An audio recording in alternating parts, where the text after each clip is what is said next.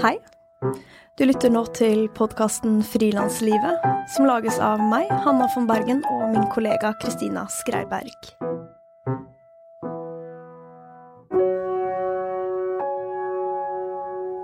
Denne episoden er sponset av regnskapsprogrammet Fiken. De brenner for at flere frilansere og små bedrifter skal lykkes. Bak fiken står mennesker som selv har erfart hvor vanskelig regnskap kan være, og de har derfor laget en løsning som gjør det lett å gjøre regnskapet selv. Fiken snakker et språk du som frilanser forstår.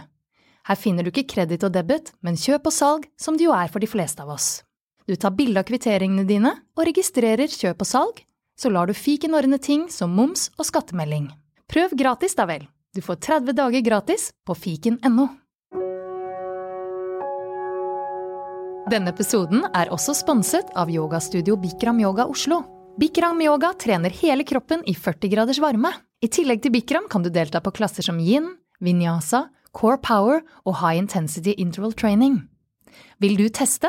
Prøv de første 15 dagene for kun 400 kroner, eller din første måned for kun 600 kroner. Ta turen til Bikram Yoga Oslo og bli med.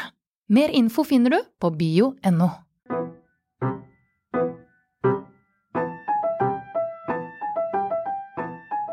Denne episoden er for deg som vurderer å bli frilanser, eller som akkurat har starta opp som frilanser og lurer på f.eks. hvordan gjør jeg hele denne greia med penger? Det virker så vanskelig. Jeg husker selv at jeg var på kurs hos skatteetaten i tre timer, faktisk to ganger, og skjønte fortsatt ikke bæret. Så ved denne episoden så håper vi å kunne gi litt klarhet i hvordan man starter opp og gjør sitt regnskap. Med oss til dette har vi regnskapsfører Fred Gerhard Strand fra regnskapsfirmaet Gerhard og Sønn AS. Velkommen da, Fred. Takk, takk. Hyggelig. Du, hyggelig, veldig hyggelig å ha deg her. Du har jo jobba mange år som regnskapsfører og hatt uh, firmaet ditt nå i fire år. Um, og du har spesielt mange kunder innenfor kultursektoren. Mm. Mm, hva er det du syns uh, er spennende med regnskap og jobben din? Hmm. Ja, si det. Eh, altså, du møter jo på mange ting som eh, Mange utfordringer hele tida. Det er alltid noe nytt, altså. så det er jo spennende. Jeg hadde aldri sett for meg å Ja, altså, jeg valgte ikke regnskap fordi at jeg syns regnskap var fryktelig gøy, egentlig. Eh, det var mer at jeg, jeg sto mellom det og bli barnehagelærer. Eh, og så tenkte jeg at hvis jeg blir regnskapsfører, for at jeg gjorde det litt på si i et firma som jeg hadde vært med å starte, så um, kan jeg tjene mer penger på kort tid, og så kan jeg hjelpe med kunst og musikk da, ved siden av. Det, så det var egentlig grunnen til at jeg begynte, og så ja, tok jeg en utdanning, og så tok jeg meg jobb, og så nå er jeg stuck, da, etter jeg starta firma, og ja. Det tar ganske mye av tida, ja. Så det starta altså som en såkalt pengejobb, da, som mange eh, kreative frilansere har. Ja, rett og slett. Mm. Mm. Og du er jo også musiker. Eh, Ja. Eller har vært. Holder du fortsatt på? Ja, vi holder fortsatt på. Det går litt sånn i bølgedaler. Men eh, det er jo noen prosjekter der, så Mm. oh yes. Ikke sant? Og regnskap er jo først og fremst ekstremt eh, praktisk, og du kommer deg ikke unna det. Og det er jo også derfor vi vil vie litt tid til å snakke om det. Um, Og det er, jeg syns det er veldig fint å ha deg på besøk, som på kjenne måte kjenner litt den kreative bransjen og har vært i den selv, eh, til å snakke om nettopp det. Hvordan skiller kultursektoren seg fra andre bransjer når det gjelder regnskap? Ja, eh, nå har de eh, Nå Skatteetaten, eller hvem det nå er, har jo laga de lovene og reglene. Det er ikke Skatteetaten, da, men eh, det er laga lover og regler som gjør det litt mer komplisert å være kunstner og musiker. Eh, ikke alltid, men eh, for ganske mange så er det litt mer komplisert enn å bare starte en annen type bedrift. Det er kanskje tema vi kommer på senere, som går på moms og sånne ting.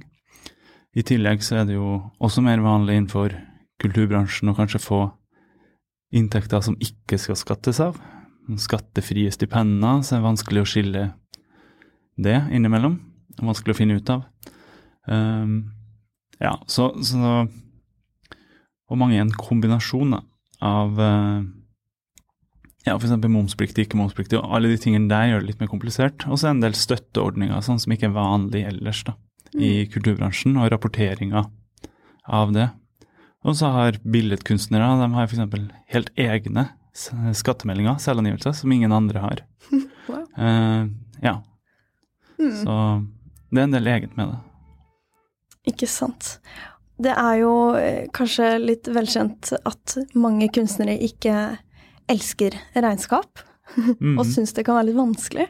Så jeg tenkte at vi kunne starte helt sånn helt på scratch, og begynne med Hvis man skal starte opp et firma eh, som man må ha for å kunne drive for seg selv, hvis ikke man får lønn um, som en ansatt, Uh, hvordan velger man selskapsform? Ja, er, stort sett så er det jo, hvis du skal drive på helt alene, så er det jo to alternativer. Det er jo enten aksjeselskap eller enkeltpersonsforetak, som er det som er mest vanlig. De aller fleste velger jo et enkeltpersonsforetak fordi at det er For det første så er det gratis å opprette i Brønnøysund. Det er ganske lett å opprette.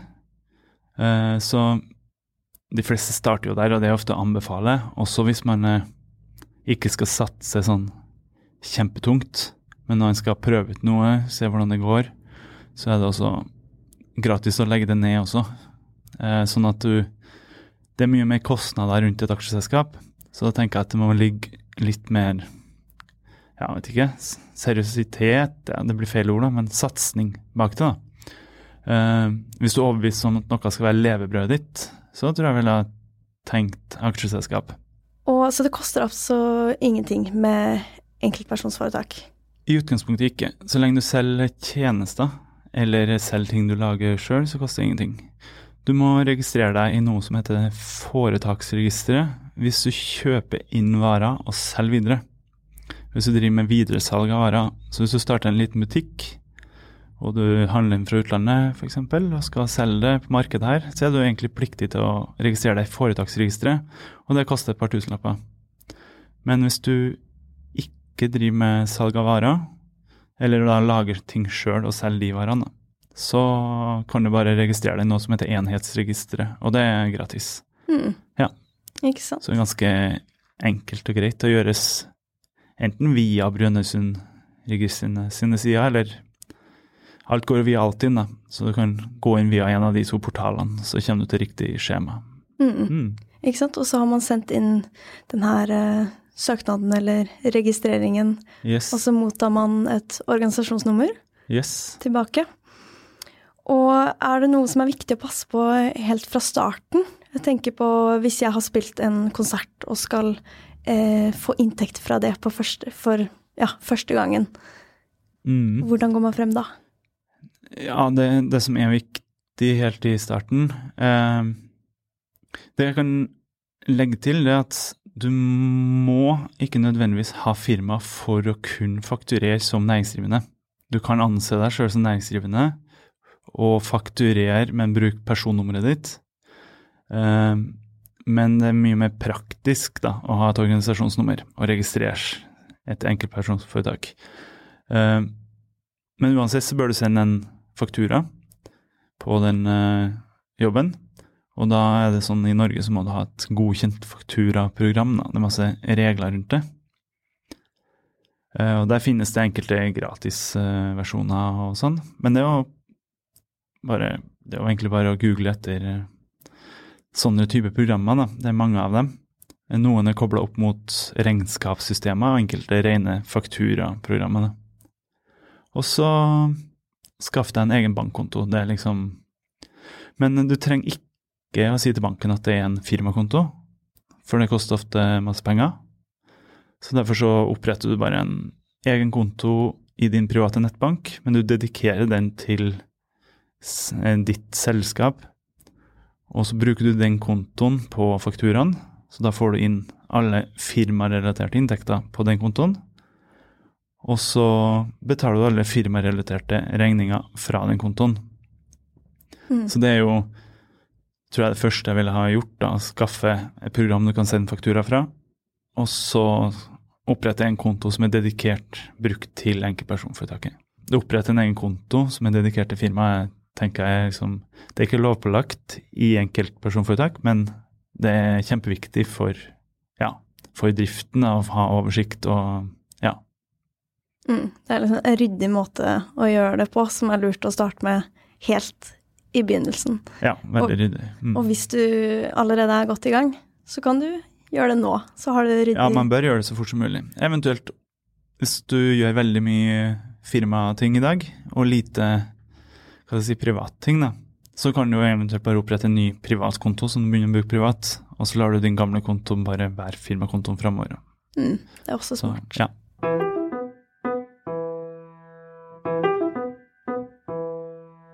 Hvis man er helt fersk på det her, så sier man du må sende faktura. Eh, hvorfor kan man ikke bare gi oppdragsgiver en bankkonto, eh, sin egen bankkonto, som de overfører penger til? Ja, hvorfor? Nei, det er fordi eh, Ja, du spør eh, godt. Eh, nei, altså du Inntektene skal registreres et sted. Og du skal ha et system som har en oversikt, faktisk, over alt som har kommet inn fra hver enkelt kunde. Uh, og når du sender en faktura da, i et system, så vil du ha den oversikten i systemet, og det skal også inn i regnskapssystemet. Fordi oversiktene skal være lik, både for den som betaler, og for den som sender fakturaen. Det skal finnes eh, Du skal kunne ta utskrift fra begge regnskapene, og så skal de vise de samme summene som godt. Så det skal kunne avstemmes mot hverandre. Så derfor så må du jo sende faktura. Eh, og for at mottaker skal få fradrag, hvis du fakturerer noen som driver et firma, så må de motta en faktura. Ellers så får de ikke fradrag i, sin, i sitt regnskap, og da vil de ikke betale penger. Så enkelt er det. Eh, Så utfordringa er jo når du får penger fra privatpersoner og folk som ikke fører regnskap, som i utgangspunktet bare kan føre over til det. Og det er mange som gjør det, men da er det bare viktig å Jeg sier jo at man bare lager en faktura, for da har man oversikt over hvilke inntekter man har fått. Eh, selv om de ikke krever en faktura på det.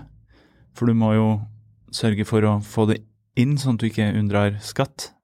Og da er det jo en veldig ryddig måte å ha oversikt over alle inntektene sine, så man rapporterer riktig skatt òg, da. Så ja.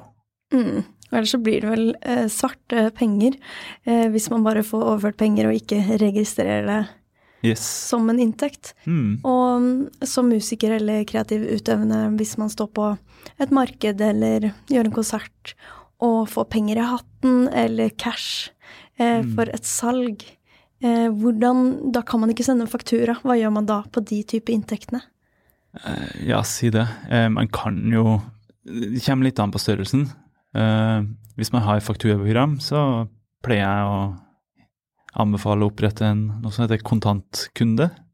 Og så i etterkant så lager jeg en faktura som jeg ikke sender til noen, men jeg bare lager en faktura for å få inntektene inn i systemet på den totale summen, og skrive at ja, inntekta fra den og den dagen med det og det. ja. Mm.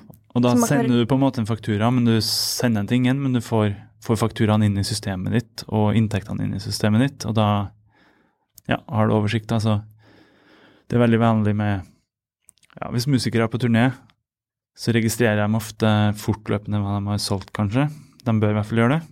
Og noe er cash, og noe er VIPS, og noe er kanskje iSettle-kort, og så litt sånn forskjellig. Så da bør man ta med seg den oversikten hjem, og så lage en faktura og sende den til seg sjøl, på en måte. Mm. Eh, men altså kall det en kontantkunde, da.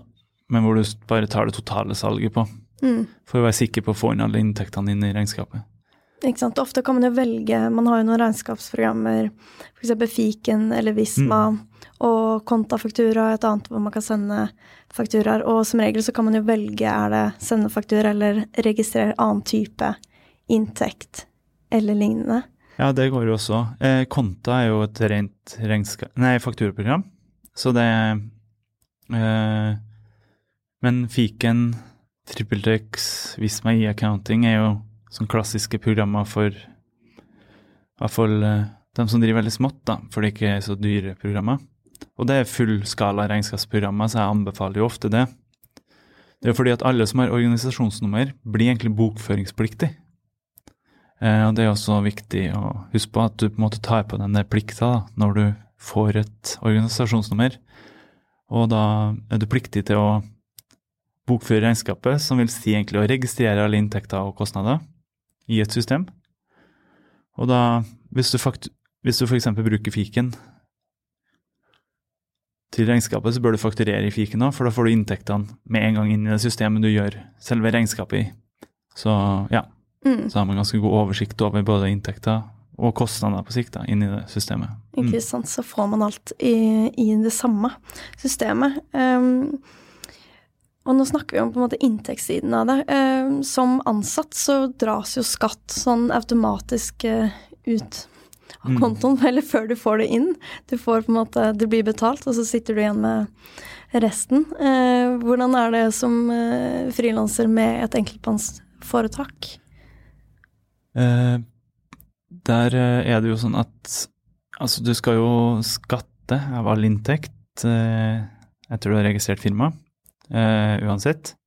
Eh, og da Du skattes Ja, det endrer seg litt fra år til år, men eh, tenk 39% Så høres ganske heftig ut.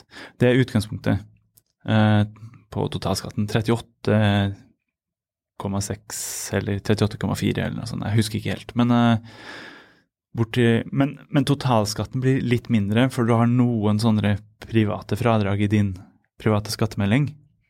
Sånn at det er sjeldent at en frilanser skatter så mye hvis den ikke har så mye inntekt. Men eh, vi anbefaler å holde av 35% skatt av alle inntekter. Og så er det viktig å tenke at eh, inntekt er jo også etter kostnader. Så vi kommer nok sikkert innom kostnader etterpå. Men eh, så Eller du skatter ikke av det du fakturerer, men du skatter av overskuddet etter du har trukket fra kostnadene du har, da. Så ja. Så det, det er liksom viktig å ha med seg at det er et regnestykke først, og så får du på en måte grunnlaget for det du beregner de 38 skatt av, da. Mm. Ikke sant. Og det er jo litt forskjellig fra ansatt i forhold til det her at man kan vel velge om man betaler forskuddsskatt, eller om man eh, hva skal man si sparer av på sin egen konto, og så betaler alt etter eh, regnskapet for hele året er gjort. Nja Nja. ja, ja, den sannhet med modifikasjoner, det er så, Det er sånn at du er på en måte pliktig til å betale forskuddsskatt. Så når du registrerer firmaet, så skal du egentlig ta kontakt da med skatteetaten. Du kan godt gjøre det bare sjøl. Bestille et uh, nytt skattekort hvor du oppgir at du har næringsinntekt. Og da vil du få uh, faktura på forskuddsskatt. Men så er det sånn at skatteetaten vet jo ikke hva du kommer til å tjene, så hvis du oppretter et firma, så vil ikke de sende deg faktura på forskuddsskatt de første sikkert to årene du driver, fordi at ja, de har ikke noe inntektsgrunnlag på å sende den forskuddsskattefakturaen på. Og da, ja, da vil de ikke sende deg, og du, du blir ikke straffa fordi at du ikke betaler forskuddsskatt, men du får jo en stor hva skal jeg si, en, en skattesmell én gang i året. da. Den skatten må betales på skatteoppgjøret. Så, så det er på en måte ikke valgfritt. Så hvis du først får faktura på forskuddsskatt, så er du pliktig til å betale. Og det er fire ganger i året. Hvis den er feil, så må du gå inn og endre den sjøl. Men eh, du bør ikke sette den i null fordi at du tenker at du skal bare betale én gang i året, og så har du jevnt høy, eh, jevnt inntekt. Da. da tror jeg Ja. Mm. eh, Det er ikke bra. Nei, ikke sant. Og hvis man går inn eh, og registrerer f.eks. at man tror man kommer til å tjene 40 000 første året hvis det er på sida av studiet eller ved siden av en annen jobb, kanskje man eh, går litt mer fulltid eh, i frilanserveisen, registrerer at man tjener 200 300 400 000, så får man altså eh, en, et dokument som sier du skal betale så mye fire ganger i året, som er da Mm. forskuddsskatten. Så Mm. får du en faktura eh, Ja. fire ganger i året, tror jeg det vel er. Eller Ja, kanskje flere. du får først en oversikt, og så kommer det da fire fakturaer. Så to på vårparten og to på høsten, som da skal være med å dekke inn skatten av ditt, uh, dine inntekter det året. Så hvis du registrerer litt seint, så vil du få på de siste terminene. Så la oss si at du gjør det her i sommer og bestiller forskuddsskatt, da. At du vil ønske å betale det. Så vil du jo bare få to fakturaer, for da får du de to. Fordel skatten på høstparten. Mm. Mm, ikke sant. Og hvis man kjenner at eh, oi, det her var altfor mye, eller det var altfor lite eh, i forhold til det man kommer til å tjene, når man får flere jobber eller mindre jobber, så kan man gå inn og endre. Ja, da går du bare inn og endrer på skatteetaten.no. Endre skattekort slash forskuddsskatt. Så legger du inn de beløpene du mener du kommer til å tjene. Mm. Mm. Og det kan jo være lurt å uansett tenke da de 35% som du sa, og holde av de, så man ikke bruker av de, og så plutselig får man en regning. Ja, altså I hvert fall i starten så er det lurt. Sånn at jeg tenker jo at driver du enkeltpersonforetak, så kan du gjerne opprette en konto til i ditt, din private nettbank og kalle den for skatt, og så fortløpende sette over 35 av eh, overskuddet eller inntektene dine. Hvis du ikke har så mye kostnader, så er det bare å ta av alle inntektene dine. Og så, så bruker du av de pengene til å betale forskuddsskatt med òg. For da ser du jo om du har satt av nok eller ikke gjennom året. Da. da har du en litt sånn feeling på om det her blir en smell eller ikke. Mm. Det er veldig smart. Det er kjipt å få en smell, si. De fleste får det. Ja, Så vanskelig. ja.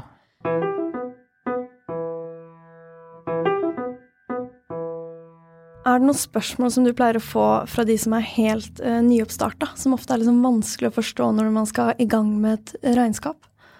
Uh, det er jo hva du får fradrag for, da, er jo en sånn klassiker. Mm. Uh, Og hva betyr det når du sier fradrag? eh, fradrag ja. Ja, det betyr jo fradrag i at du kan trekke det fra eh, inntekta di før du skatter, da. Så hvis du har 100 000 i, som du har fakturert i inntekta, og så kjøper du en datamaskin til 10 000 kroner som du trenger i firmaet, så har du et overskudd på 90 000, og da er det jo 90 000 kroner som du skal betale skatt av, og ikke de 100. Eh, så det er jo hvilke typer kostnader har jeg da lov til å fradragsføre i mitt regnskap? Da? Det er jo veldig aktuelt for mange. Mm. Eh, for å få skatten ned, og ikke betale unødvendig mye skatt. Hva, eh, hva er det typiske Hvordan vet man hva man kan eh, Hvilke kostnader man kan registrere på firmaet, og hvilke man ikke kan gjøre?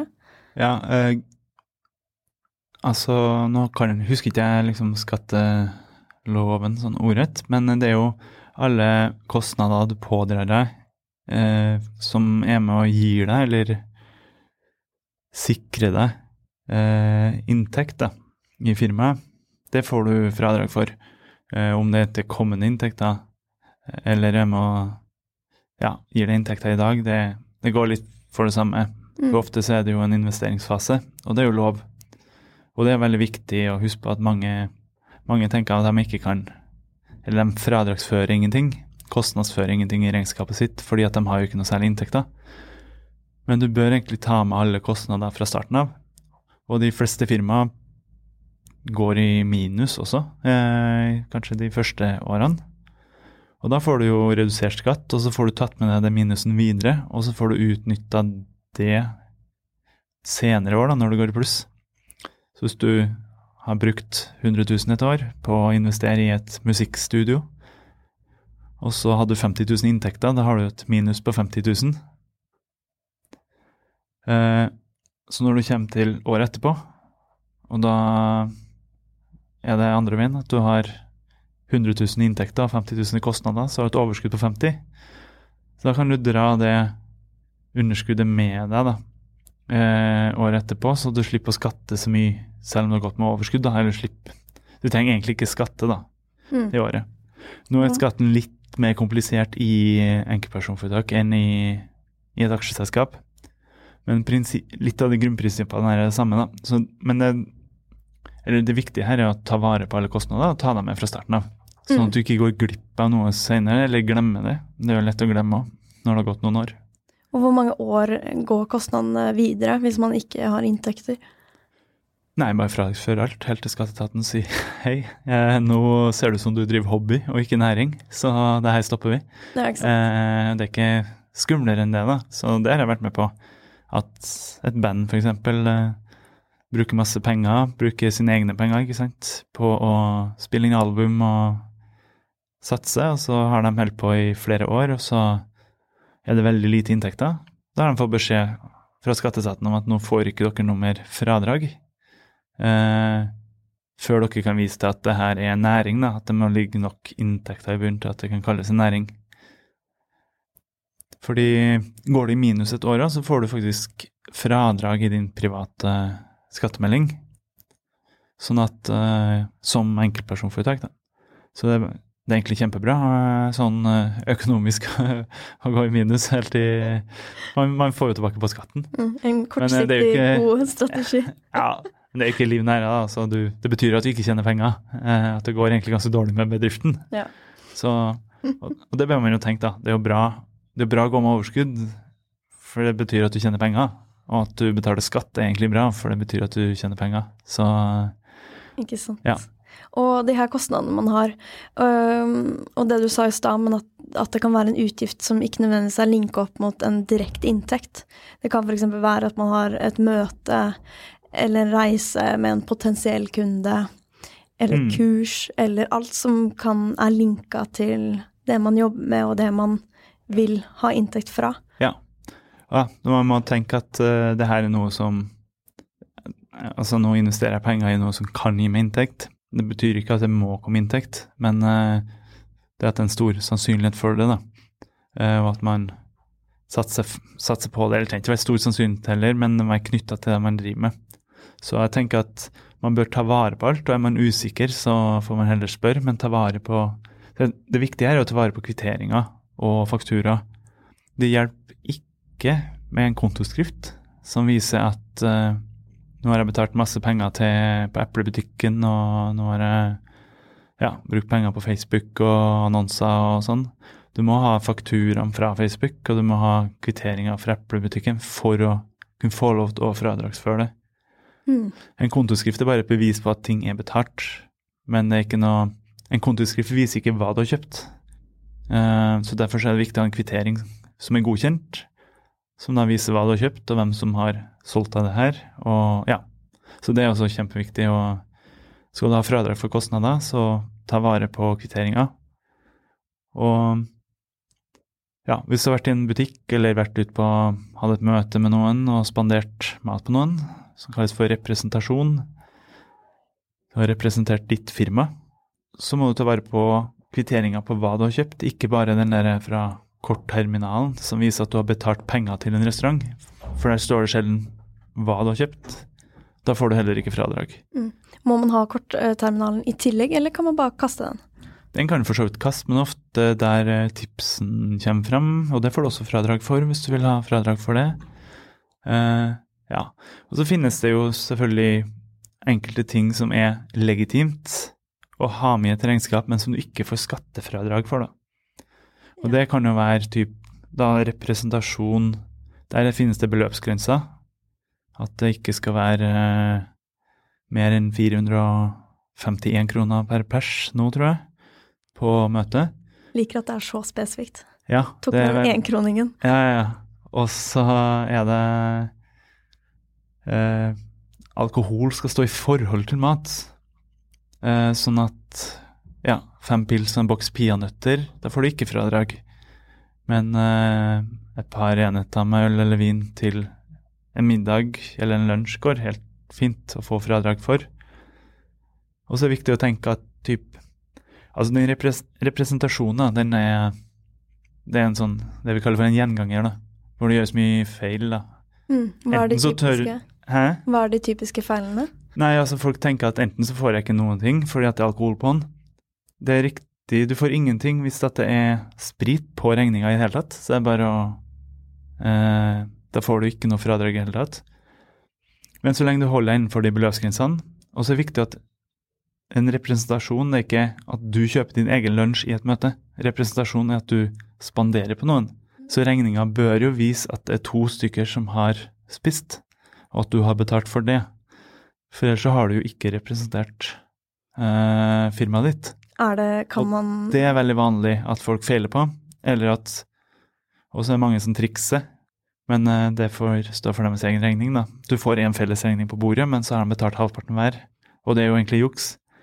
Eh, av og til er vanskelig å avdekke, da, men eh, det får stå for den eh, som driver firmaet sin egen regning. Men eh. Men Ja. får man fradrag eh, hvis man ikke har spandert på den andre og bare har utgifter for seg sjæl, Er det eh, Eller går ikke det å skrive på firmaet? mat, mat er kjempestrengt, egentlig. Eh, så du får utgifter for å spise mat hvis du er på reise. Så finnes det en definisjon på hva som er reise. Du skal ha reist minimum 15 km hver vei og vært bort i Nå ble jeg faktisk usikker. Det var seks timer før. Det kan være at det er fem timer nå. Sammenhengende fra du reiste hjemmefra til du er hjem igjen. Så hvis det er en realitet, og det ikke er til fast arbeidssted, da, ditt faste kontor, men hvis du har vært ute på en arbeidsreise utenom ditt faste arbeidssted, så kan du ta alt mat som du har kjøpt til deg sjøl den dagen. Eller så har du overtidsmat, da, hvor det egentlig er en beløpsgrense på 92 kroner, som eh, helt håpløs å holde, for at du får jo nesten ikke kjøpt deg ordentlig mat for 92 kroner, så det blir kebab. Kebab, pølse eller Mækkern? Ja, ja, det er jo det. Ja, altså, det er det regjeringa legger opp til, at man skal spise hvis man jobber overtid. Ja, og hva er Eh. overtid? Er det etter syv og en halv time, eller? Eh, Ja, regelen sier tolv timer. Eh, jeg Nå skal jeg ikke si det her Jo da, men altså vi altså Jeg tenker at man skal være fornuftig òg. Det er jo ingen som jobber tolv timer, og så spiser jeg overtidsmat. Altså, du, jobber, og så spiser du lunsj, det er greit nok. Og så, etter du har jobba en sju-åtte timer, så må du Og fordi at du ikke rekker hjemom og skal jobbe videre, så kjøper du deg noe mat ut. Og da tenker jeg at det er ok. Eh, om du da har jobba 10, 11 eller 12 timer den dagen, det er sjelden jeg legger meg så hardt borti. Eh, jeg opplever heller at ingen har spurt oss om det i mitt firma som er drevet, når det kommer til overtidsmat. Så ja. Og så er det kanskje litt suspekt hvis du eh, hele tiden har overtid, hvis ikke det er i bransjen din, da, at man har veldig lange vakter. Eller at du starter på jobb tolv og slutter klokka åtte. Så det er mange som tar overtidsmat for at de spiser i fire-fem-tida, men det er jo ikke over, en reell overtid, da. Nei, ikke sant. Så der også må man jo Men ja, så, så det er liksom det og mat på reise, eller når du spanderer på andre, representasjon, som er liksom de mest vanlige. Men lunsj på jobb i enkeltpersonforetak er bare å glemme. Eh, ikke noe fradrag for i det hele tatt. Eh, eller å møte noen og hver kjøpe sin egen lunsj, så er det egentlig bare å glemme det. Så ja. Det er veldig relevant, det tror jeg mange gjør feil på. Ja, mat er en eh, klassisk eh, sånn greie, da. Eh, så Mm. Og hva med de her utgiftene som er um, eh, Som ikke er rene firmautgifter, men det er ikke rene private utgifter heller. Um, at man føler at det er liksom blanda. F.eks. kjøpe data som jeg både bruker til jobben min, men også til å se på Netflix på kvelden. Du skal jo egentlig fradragsføre litt sånn forholdsmessig. Litt fingeren i været, og så føle liksom at jeg bruker en 50-50. Så bør man jo kanskje gjøre det, men normalt sett så tenker jeg at en data, det trenger du i firmaet uansett, så det er greit at firmaet fradagsfører. Hvis du bruker den mye privat, så tenker jeg at eh, du kanskje ikke Og da er momspliktig, så tenker jeg at du ikke kan kreve fradrag for all momsen, for du har ikke lov til å kreve fradrag for moms på privatforbruk. Så jeg tror jeg har vært mer forsiktig med moms enn selve skattefradraget på det der, for det finnes ingen firma i dag som ikke har en datamaskin, eller som ikke har en telefon. Eh, men alle har det privat også, da. Mm. Men en, Men hvis du ikke hadde hatt en telefon privat, så måtte du på en måte ha kjøpt inn for å drive med firma. ja, ja. Mm. Altså, ja, i hvert fall her i vår eh, del av verden, så er det ganske essensielt da, for å drive et firma og ja, holde seg oppdatert. Så, så man, man må bruke litt skjønn, litt magefølelse, være litt ærlig. Eh, tror jeg er viktig, da. Eh, og så, men ta vare på ting, legg det ved, og er man usikker, så ja. Type reiser er jo også vanskelig. Ja, det var noe var firmarelatert, og noe var privat. Får jeg fradrag, får jeg ikke fradrag? Den er jo også vanskelig. Da er jo Og det kan være vanskelig å avgjøre for oss også som regnskapsfører, men det er viktig å ta vare på alle kvitteringer og sjekke om man kan få fradrag, eventuelt få fradrag for deler av det.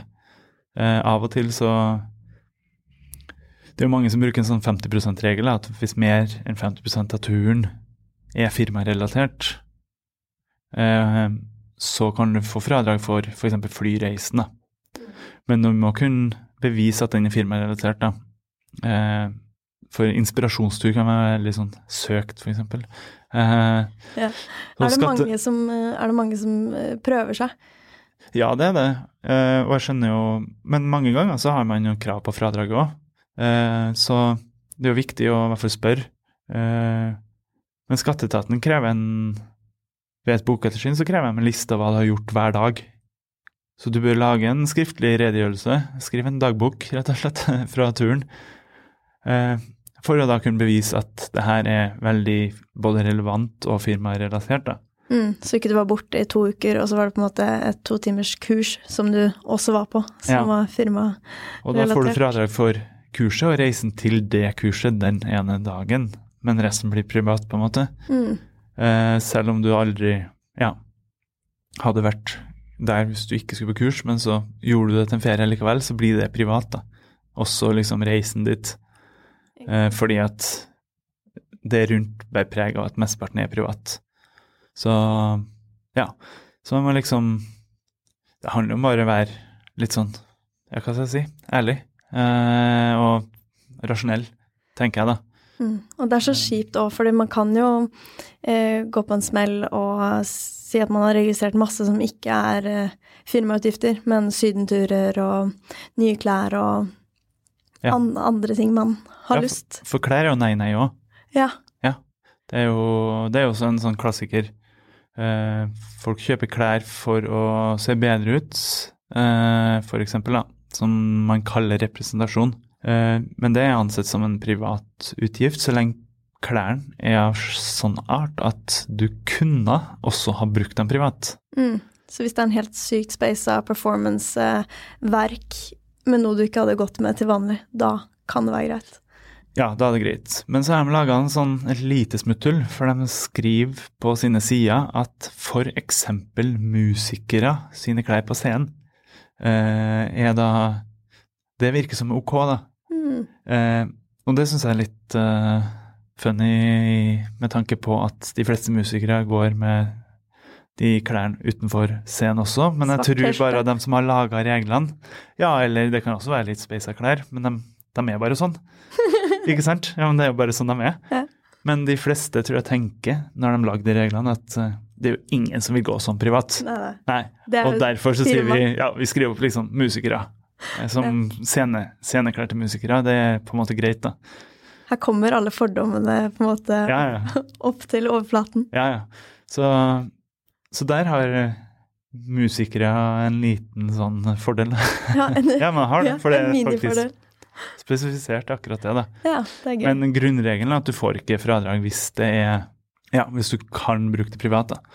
Så Og her er det jo vanskelig, altså. Hvis du er på den røde løperen hele tida, f.eks., eh, som vi har enkelte kunder som er, så vil du ha forskjellige klær hver gang du er på den røde løperen, og da bruker du veldig mye penger på å kjøpe klær. Eh, Men da må man eh, ha et ryddig forhold til det. da. Ha en oversikt over hvilke klær har jeg brukt også privat i et privat bryllup, og da er det ikke noe fradrag i hele tatt, selv om du brukte det på et firmarelatert arrangement i tillegg. Eller om du solgte det videre, eller ga det videre til Fretex, og da er det ok å få fradrag, for da kjøpte du inn til et firmaarrangement, og så ga du det bort, eller solgte det, og da er det jo ok. Mm. Så vi har kunder som leverer lister på sånne ting da, til oss. Ja, ikke sant. Mm. Det er interessant. Eh, med alle de her kvitteringene man har, og noen fakturaer sikkert som man har på dataen fra tjenester man bruker, og hvordan, eh, hvordan registrerer man det, eller sparer det? Og fordi jeg har forstått at man er eh, pliktig til å spare på alle inntektene og, og kostnadene, altså regis, Mm. registeret av det, eh, i fem år. Ja, stemmer. Så det er en oppbevaringsplikt for alle bilag og regnskap for så vidt da, i fem år. Jeg anbefaler jo å finne et safe sted å ha det. Digitalisere alt med en gang. Det er min anbefaling. For at alle programmer og hele bransjen blir jo sånn helt digital. Så har du en kvittering, så ta bilde av den. Det, det, som er viktig, er bare sørge for at bildet er godt leselig, og at du har med all info. Ha alltid med alle sider av en kvittering eller en faktura hvis det er noe som er skrift der. Så ofte tenker man at det her er ikke så viktig, men så var det viktig for fradraget likevel, og så fikk man ikke fradrag, da. For det var noe detaljert informasjon på baksida, f.eks., på en faktura.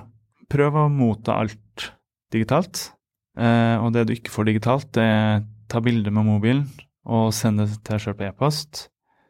Og gjerne opprett en type ja, en Dropbox, Google Drive, et eller annet, hvor du oppbevarer det her. Så hvis du gjør det fra starten av, så har du veldig mye klart hvis, når du skal sette ned med regnskapet. Eh, eller hvis du skaffer en regnskapsfører, så har du egentlig bare en link og har eh, med alle tingene dine. Så, og så legge inn kommentarer hvis det er aktuelt. da.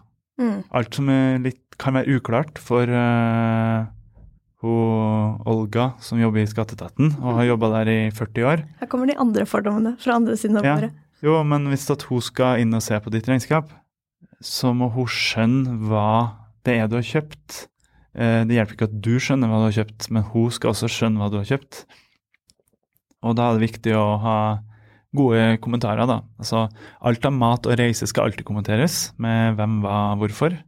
Men har du kjøpt en datamaskin, og det står at du har kjøpt en datamaskin, så trenger du ikke å kommentere at du har kjøpt en datamaskin. Ikke sant. Det går litt men, på skjønn. Uh, men uh, alt som kan være litt sånn uklart, bør kommenteres. Og det kan være lurt å gjøre det med en gang òg, for da, sånn man ikke veldig mange glemmer. da. Det er gått et halvt år, og så skal man uh, sette seg ned med regnskapet. og så bare hva søren var, hva var det møtet her? Hvem mm. møtte jeg egentlig i det hele tatt? Uh, ja. Så skriv den der med en gang. Mm. Ikke sant. Og hvis man bruker et regnskapsprogram, så er det ofte vanlig å ha eh, at man kan registrere kvitteringene direkte i ja. programmet. Det er jo Også. liksom steg to, da, hvis du finner ut at det er Hvis det blir bilag. Eh, så jeg, jeg, tenker at har du typ sånn Hvis du er usikker på om du når 50 000 i fakturerte inntekter i løpet av et år, så kan du vurdere om du skal skaffe regnskapsprogram eller ikke. Det holder med en enkel oversikt til Excel, for det er såpass lite. Mm. Eh, hvorfor sier du 50 000? Fordi at eh, Ja, det jeg skulle tilbake til, da. For da kan du levere noe som heter forenkla skattemelding. Eh, så når du skal levere skattemeldinga di, så huker du deg på at du har inntekter under 50, og da er det i praksis jeg vet ikke, eh, to felter eller noe sånt. Så mye har jeg fakturert, og så mye har jeg i kostnader. Eh, men du er fortsatt bokføringspliktig, så det er viktig eh, å huske på. Men det er nok såpass få bilag at det holder å ha dem i en mappe. Bare husk å ha backup av den mappa. Og så lager du en Excel, et regneark med en oversikt med hva de forskjellige tingene er. Og så, hvis noen vil se på det, så skal det holde. Du skal egentlig printe den Excel-en faktisk og signere den, og så kan du skanne den og lagre den igjen. For da kan du ikke endre det i etterkant. da. Det er et krav hvis du skal gjøre det i Excel. Mm. Men du har lov til å gjøre det i Excel hvis du har eh, jeg tror hvis du har under 600 bilag i året. Så har du fortsatt lov. Men det er veldig upraktisk å gjøre det i Excel, for alle gjør det feil. De gjør det ikke etter reglene, da. for det er en del regler rundt det her. Uh, og derfor så anbefaler jeg, som du er inne på fiken, eller TrippelTex, uh, jeg er ganske stor fan av. Uh, hvis med e-accounting finnes der. Men anbefaler å ta i bruk noen av dem der hvis du har mer enn 50 000 inntekter. Og for, for, da skal du fylle ut næringsrapportskatt eller en litt større skattemelding eller en næringsoppgave. Og da ja, bør man begynne å rigge seg til å ha et litt ordentlig regnskap.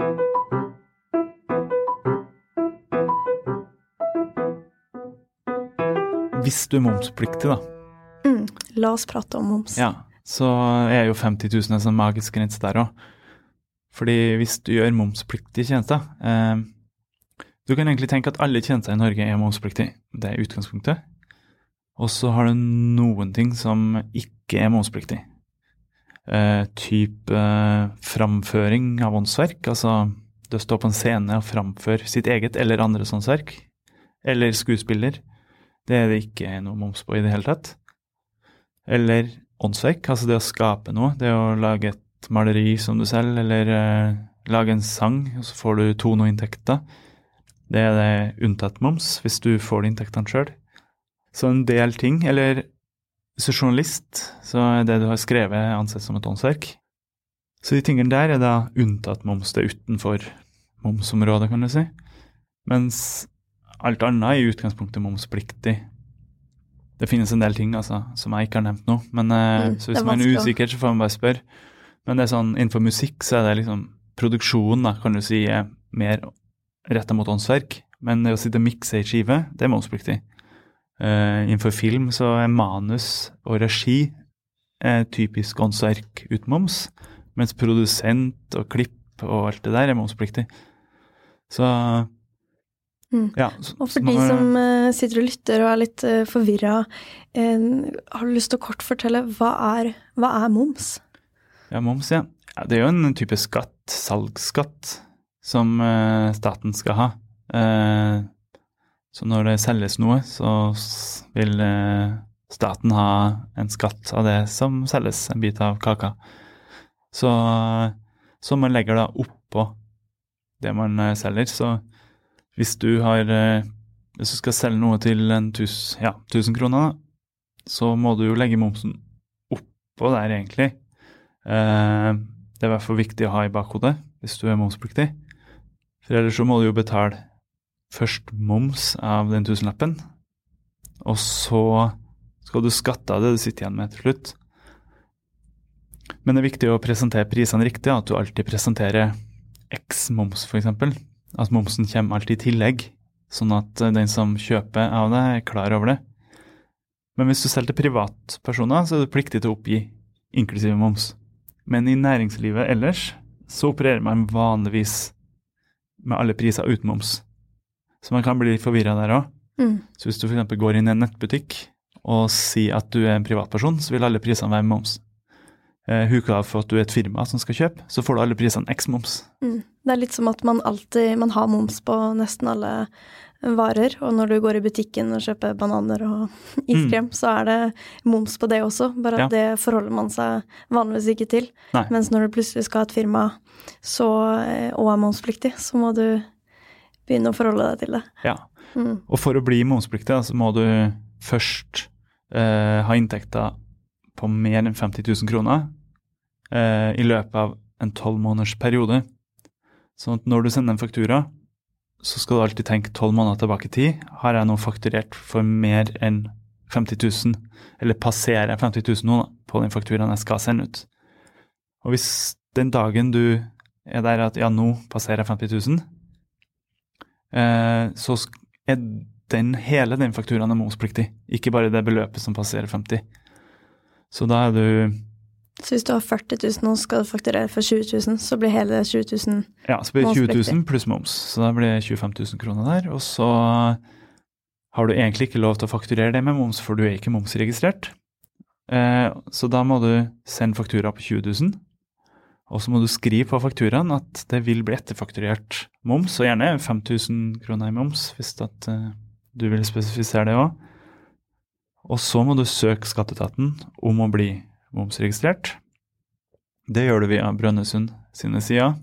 Og så blir du momsregistrert, og da skal du da sende etterfakturere momsen da, på de fakturaene. Om det er den ene, eller om det er flere i mellomtida. For det her kan ta en par-tre uker. Og det kan være at du sender ut mange fakturaer uten moms, som du da- skal etterfakturere moms på. Så da kan du gjøre det på to måter. Du kan enten bare fakturere bare momsbeløpet, eller så kan du kreditere den fakturaen du sendte. Som vil egentlig si at man på en måte har sletta den. Man Ja, når du krediterer, så sletter du fakturaen, og så Det er ikke lov til å slette faktura, men du krediterer, så du lager en motfaktura, en minusfaktura. Mm. Så har man en det står 20 000, og så har man en det står minus 20 000, for eksempel. Ja. Hvis det er beløpet. Riktig. I sånne programmer så kan du bare huke av på fakturaen. Så opprettes en kredittnota på bakgrunn av fakturaen, og så blir den riktig med en gang. Og så lager du bare en ny faktura da, med 20 000 pluss moms, og sender til mottaker. Mm. Og det høres litt komplisert ut. Heldigvis så slipper, eh, gjør du det bare én gang det å Ja. bli momsregistrert. Ja. Så det er jo bare én gang. Og da er det sånn at alle som blir momsregistrert i dag, eh, må levere det som heter for skattemelding for MVA annenhver måned. For inntil et par år siden så kunne du søke om å gjøre det én gang i året. Det får du ikke lenger, så nå må du levere det annenhver måned. Og hvis du har oppført deg fint, dvs. Si at du har levert alle eh, skattemeldinger for MVA, eller momsoppgaver som vi liker å kalle det, Eh, Hvis du har levert alle i tide, og betalt dem i tide, og du har oppført deg fint, så kan du søke om å da få levere moms årlig. Og fordelen med å gjøre det årlig er nok hvis du har et veldig lite selskap, så er det å ikke må gjøre regnskapet også ferdig annenhver måned. Eh, hvis du har regnskapsfører, så er det ofte litt dyrere hvis du må regnskapsfører med å gjøre, gjøre, det her seks ganger i året. Så det kan være en fordel å gjøre det årlig hvis det er veldig lite selskap. Men så må du huske å sette av all momsen nå, da, gjennom året. Sånn at du ikke får en momsregning, og så har du ikke tenkt på at du skal betale den regninga. Det er litt som vi snakka om skatt i stad, og jeg forholder meg til moms litt som at det er ikke penger som er mine, jeg bare legger det oppå inntektene jeg får, og så sparer jeg de på det egen konto, Ja. som jeg så skal betale videre. Og det er smart. Mm. Ja. Så det, selv om det står mange, mange, mange tusen på den kontoen, så er ikke det noe man Nei. kan Og- bruke av. Nei, man bør ikke gjøre det. Eh, altså Du står jo fritt til å bruke dem, men det er jo i utgangspunktet skatteetaten sine penger. Du vil jo få en regning på det. Og i starten så anbefaler jeg egentlig bare å holde av all moms som du har krevd inn da, på, på kundene dine, på fakturaer du har sendt ut. Men så må man tenke at man får også fradrag på moms på kostnader. Så hvis du kjøper en data da, til 10 000, så koster jo den egentlig 8000 pluss 2000 kroner i moms. Så når du er momspliktig og driver med bare momspliktig arbeid, så kan du da få tilbake 2000 kroner på kjøp av den datamaskinen, momsen da. Mm. Og ofte på kvittering og faktura så står det hva momsprosenten er. Mm. For som regel så er det vel 25 på 25, det ja. meste. Mm. Og så er det noe som er unntak. Ja. Det er jo Altså i, en bisetning i forhold til det å kunne kreve fradrag for moms, så er det sånn at uh, du får jo det på alle kostnader som er med å gi deg momspliktig inntekt. Hvis det er kost, nei, hvis kostnadene er knytta til noe som gir deg en inntekt som ikke har moms, f.eks. å spille en konsert, da, så får du ikke momsfradrag på den kostnaden, selv om du er momspliktig i selskapet. Eh, Og det her er jo, kan være litt forvirrende. Og jeg jobber på den måten at en del av det jeg gjør, er momspliktig. Og en del av det jeg gjør, er ikke momspliktig. Ja, så du er et offer for de reglene her, egentlig? Ja, Ja. og da må jeg skille kostnadene og inntektene Ja. på det som er momspliktig, og det som ikke er momspliktig. Ja. Men ofte så har man jo litt lignende type inntekter eh, i det man jobber med. Og da lønner det seg å gå inn og sjekke rett og slett er det momspliktig eller ikke. Sånn at man blir tydelig på hva som, hva som er hva. Ja. ja, det er veldig viktig å skille det der, da. Og ikke kreve for mye fradrag i moms enn hva man har lov til. Eh, og så skal man også avgrense, i ditt tilfelle, som veldig mange kunst, ja, ikke kunstnere, men en del musikere, i hvert fall. Eh, de selger f.eks. merch da, på konserter og sånn, så blir de momspliktige der. Men Og da har de så og så mange prosent momspliktig inntekt, og så og så mange prosent ikke-momspliktig inntekt, unntatt moms. Så hvis den er 50-50, da, og du skal ta det datamaskinkjøpet som et eksempel, så bruker du datamaskinen til begge deler. Det vil si at du bare kan fragsføre 1000 kroner av momsen på en dataen, ikke 2000. For du kan ikke fragsføre momsen på en del som er knytta til det momsfrie. Så det, Mm. der må du også regne ut det, så du får flere Det er noe av det mest kompliserte innenfor moms, da, er liksom den kulturbransjen, og når du er innenfor begge deler, så må du holde oversikt over det. Så da anbefaler jeg jo å gjøre alt i et program som kan hjelpe deg å holde styr på det. Og så er det aldri momsfradrag på mat, verken representasjon eller mat du spiser, da, sjøl. Så det, det må du tenke, det får du aldri momsfradrag på. Og normalt så er det heller ikke gaver du gir bort, får du heller ikke momsfradrag på. Uh, hvis du kjøper inn mat du skal selge videre, så får du momsfradrag, for da legger du jo moms på maten du selger. for det er et videre salg av mat. Men hvis du skal spise den sjøl, så får du ikke Hvis den skal spises, da. Mm. Ja. Og det kan, eh, hvis man starter ut og er litt usikker på de her tingene, så kan man jo ofte google, og man Mm. kan spørre en regnskapsfører, og man kan ofte spørre andre i samme bransje. Eh, hva gjorde du hvis du spilte konsert og fikk eh, penger i hatten, eller ja, solgte en plate, eller mm. Det er jo uh, Gå an til å spørre, gå an til å google. Eh, det, alt er jo Det er jo litt for mye informasjon på nett, har jeg funnet ut. Så det er jo den største utfordringa. Altså mitt eh, hotteste tips det er jo å sjekke sånn troverdige kilder som Skatteetaten.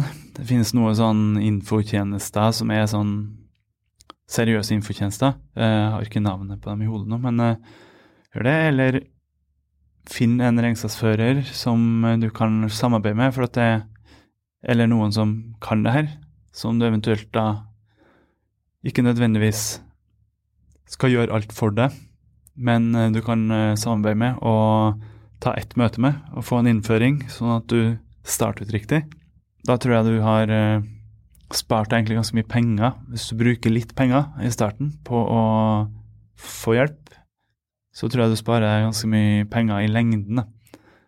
Så, mm. Ja, for du har jo ofte de samme type inntektene og utgiftene eh, hvis du er forfatter, hvis du er journalist, hvis du er musiker.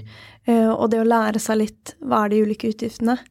mm, Eh, For de skal jo registreres på ulike kontoer, eh, kaller man det. Det er forvirrende å ja, si det konto. ja, det, det er forskjellige kontoer i regnskapet, da. Mm, Som i Så ikke som bankkonto, men som forskjellige uh, Klassifiseringa områder. egentlig av kostnader. At du klassifiserer det som en, et bankgebyr, eller det er en driftsmateriale. da. En datamaskin for eksempel, kan være et driftsmateriale, eller så kan det være kontorrekvisitter. Eh, Mm. Og hvis du er under 50 000, så trenger vel egentlig ikke å tenke så mye på det.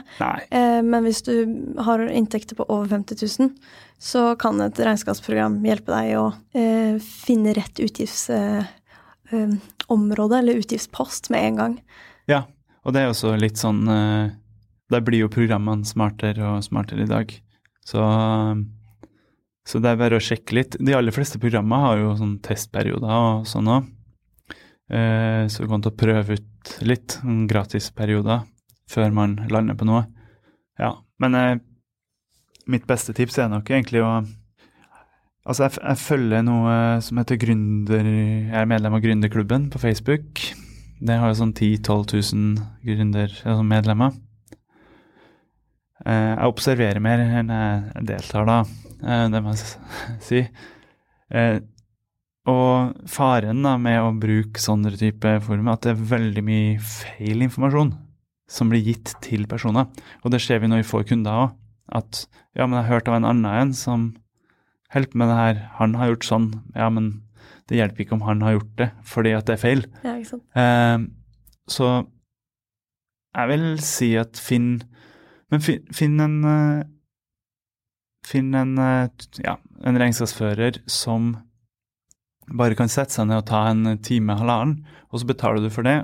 Og det betyr ikke at det er noe du har bundet deg opp til noe eller noe sånt. Og så den dagen du finner ut at du skal ha regnskapsfører, så kan du ta den runden. Men finn noen du kan samarbeide med, da. For at det blir mer og mer vanlig i dag å finne noen å samarbeide med, og ikke overlate hele livet ditt og alle pengene dine til noen, for det kan være litt skummelt det òg. Mm. Og tenke at alt blir veldig dyrt. Finn noen du kan samarbeide med, og gå på de riktige kanskje kursene da, for å ja, få den infoen man trenger, rett og slett. Ikke sant? Så jeg ville, jeg ville heller gjort det da, enn å google gjerne, men da være kritisk til de kildene du leser. Ja. Mm. Og hvis man er helt forvirra og står litt i mørket, så går det an å ringe skatteetaten og ha en samtale. Eh, Mm. Jeg gjorde f.eks. et prosjekt hvor jeg var veldig usikker på moms. Um, Syntes det var veldig vanskelig å finne ut uh, riktig svar. Og da hadde jeg en lang, lang samtale med skatteetaten hvor de hjalp meg med å finne ut uh, av det, rett og slett. Ja. Mm. Så de bistår jo, spesielt når det er spesielle caser.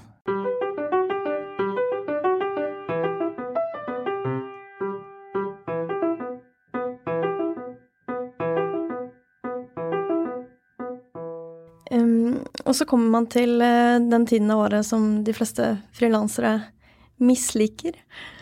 hvor man skal gjøre selvangivelsen, som nå heter skattemeldingen. Yes. Og da har vi for så vidt vært litt innpå det, at hvis du har under 50 000, så er det ganske straight forward. Ja. Eh, Det er to felt med inntekter og utgifter. Mm. Um, men hvis man har over det, uh, hvordan går man frem da?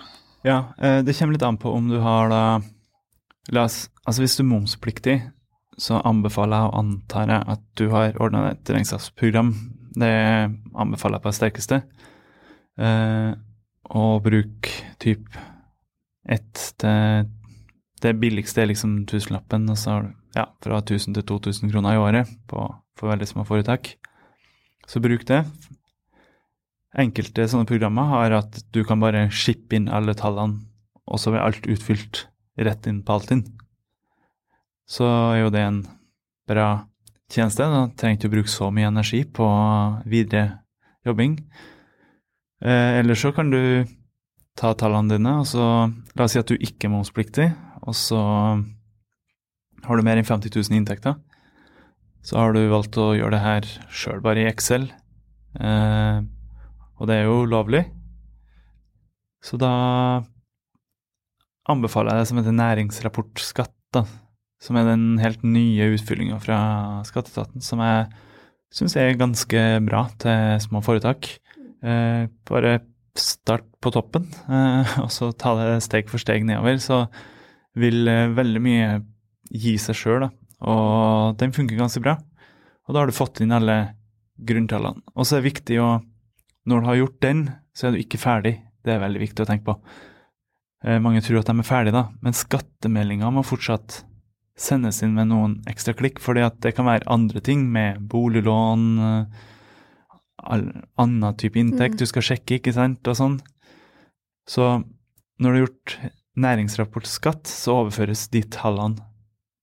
Og den sendes inn, men så overføres de tallene til din private skattemelding, som du igjen da skal sende inn. Mm. Som når man var ansatt, så pleide man jo bare å gå inn, kanskje bare trykke OK.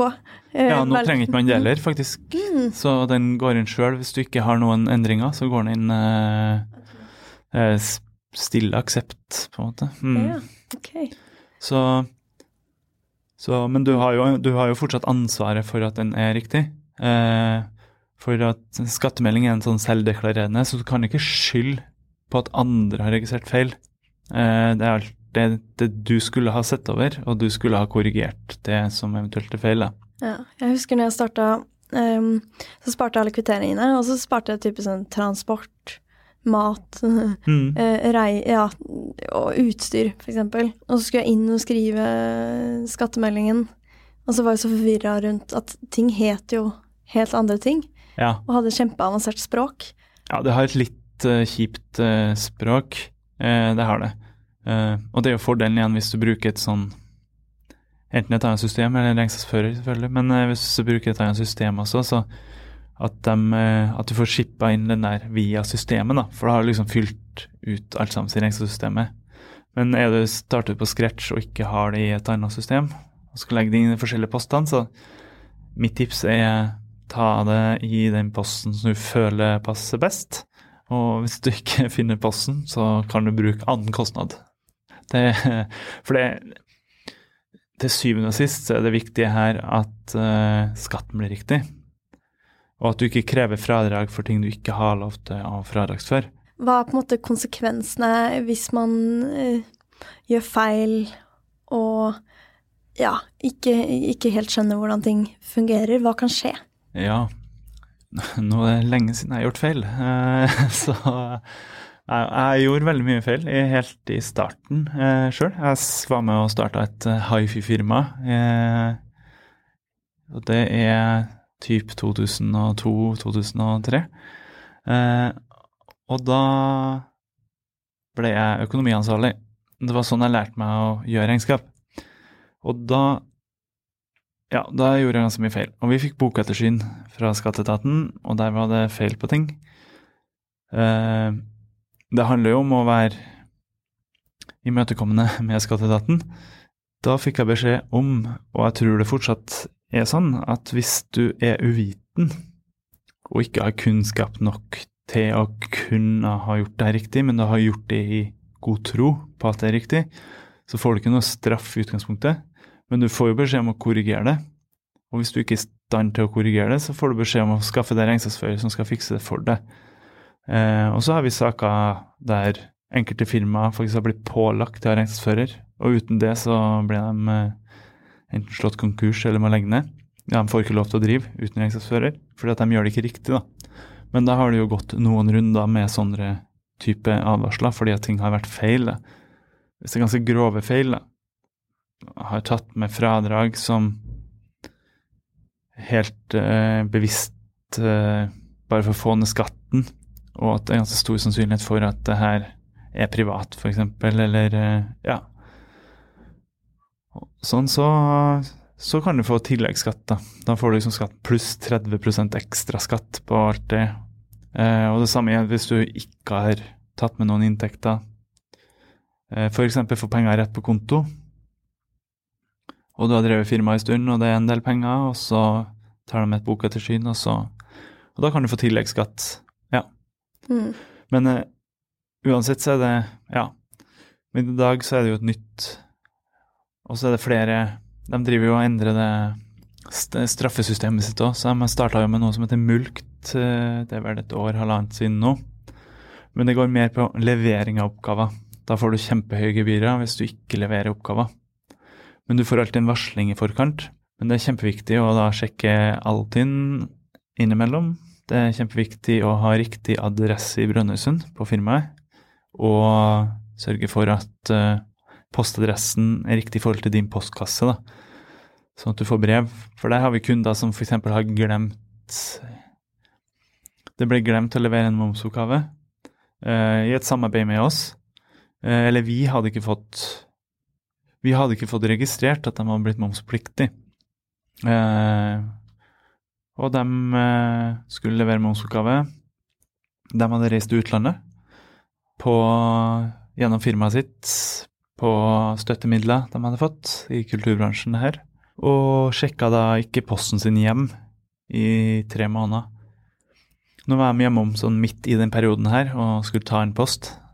Jeg var bare innom Norge, og så oppdaget de da et brev, og da hadde vi Og da hadde det jo gått eh, Da var det 500 og noen kroner per dag i bøter for å ikke ha levert Wow.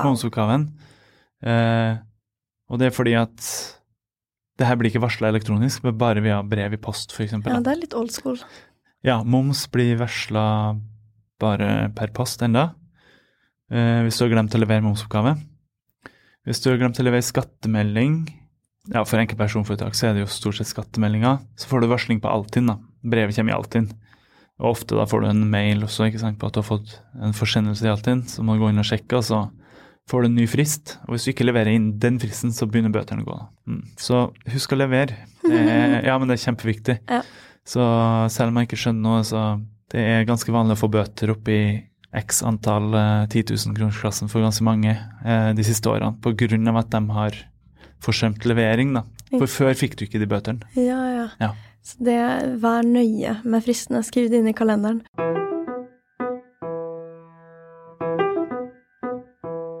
Er det noen tips og triks til, eh, til hvordan man skal forholde seg til regnskap så ikke det blir så stort og vanskelig? Du har snakka om det litt, men er det noen sånn konkrete ting man kan gjøre eh, når man starter ut?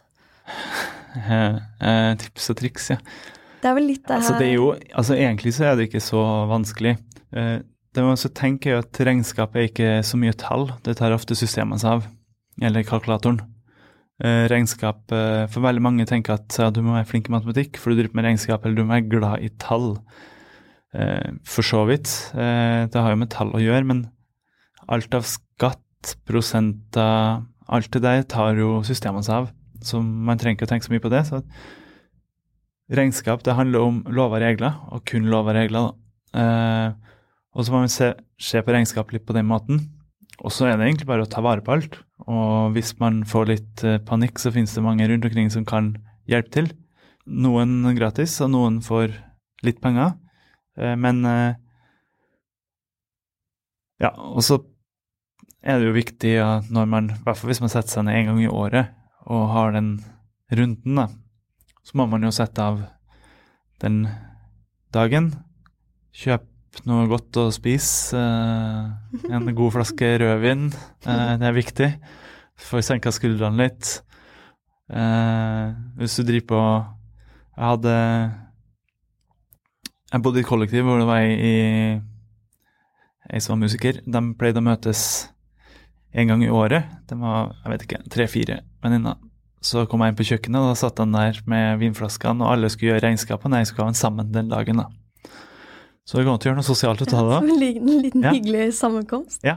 Mm. Så har man, deler man på smerten. Eh, Det er jo også litt å ta det mm, når det kommer, istedenfor å vente kanskje til en gang i året at man Jeg pleier å sette av siste søndag i måneden til å skanne inn kvitteringer Ja. og prøve å holde det ved like. Det kan være vanskelig å gjøre det. Og det å ha ulike kontoer på banken sin hjelper veldig mye, syns jeg. Så når jeg får inn Når jeg har fakturert noen og får inn de pengene, så setter jeg av skatt og moms, og til og med starta med en egen liten konto som jeg kaller feriepenger. Pluss trygg, lurt. trygghet. Der står det vel ikke så mange Ja. tusen ennå, men uh, da gjør det litt at jeg føler at ikke det er penger jeg eier. Da føler jeg at det som sitter igjen, er liksom lønna mi, da. ja. Mm. ja, det er lurt, det. Å holde av skatt fortløpende av inntektene dine. Eh, og moms fortløpende av inntektene dine, så er det sjelden du betaler all den momsen til skatteetaten, for du har litt fradrag her og der. Og da blir jo på en måte det også litt, kanskje litt feriepenger, en liten buffer. Eh, og ja, og en type en admin-dag i måneden, eller en admin-dag i uka for så vidt. Om du setter av eh, hver fredag til å gjøre litt admin. Jeg prøver jo å holde hviledagen hellig. Eh, men det tror jeg er litt lurt for noen frilansere òg for, eh, for å ha litt fri. Eh, og tenk at det her har også med næringa di å gjøre. Og det handler om også hvordan du priser deg. Eh, ikke legg på administrasjonsarbeid på fakturaen, men du må ha timepriser eller fastpriser eller sånn. Du må tenke at det koster litt mer å drive firma enn akkurat den jobben du gjorde der og da. Altså det må ligge på en måte inn i prisen din at du bruker tid på administrasjon. Mm, det er veldig lurt. Eh, så, så ha det litt i bakhodet, og, men sett gjerne av Lag deg rutiner fra starten av, da, og ha en eh, fast dag. Men jeg tror mange frilansere skyter seg sjøl litt i foten med å bruke helger, f.eks., og røde dager til sånne ting. For jeg tenker at da, når bedriften blir veldig stor, da, så har du laga en sånn nesten en uvane. For da ønsker du på sikt å ha fri de dagene, og så må du liksom Ja. Så jeg tenker at det kan være lurt å starte med admin på en vanlig hverdag òg. Det det er veldig sant det du sier der. Jeg kjenner meg veldig truffet i, den, i det siste. Eh, Jeg husker også at jeg har opparbeida meg et dokument på dataen hvor jeg skriver liksom alle spørsmål jeg har eh, om regnskap, så at man samler det. Så da hoper det seg opp etter hvert, eh, og så kan man ha en time med regnskapsføring og på en måte stille alle de spørsmålene man har. Eller om man prøver å kartlegge hvilke utgifter har jeg, eh, og hvilke inntekter har jeg.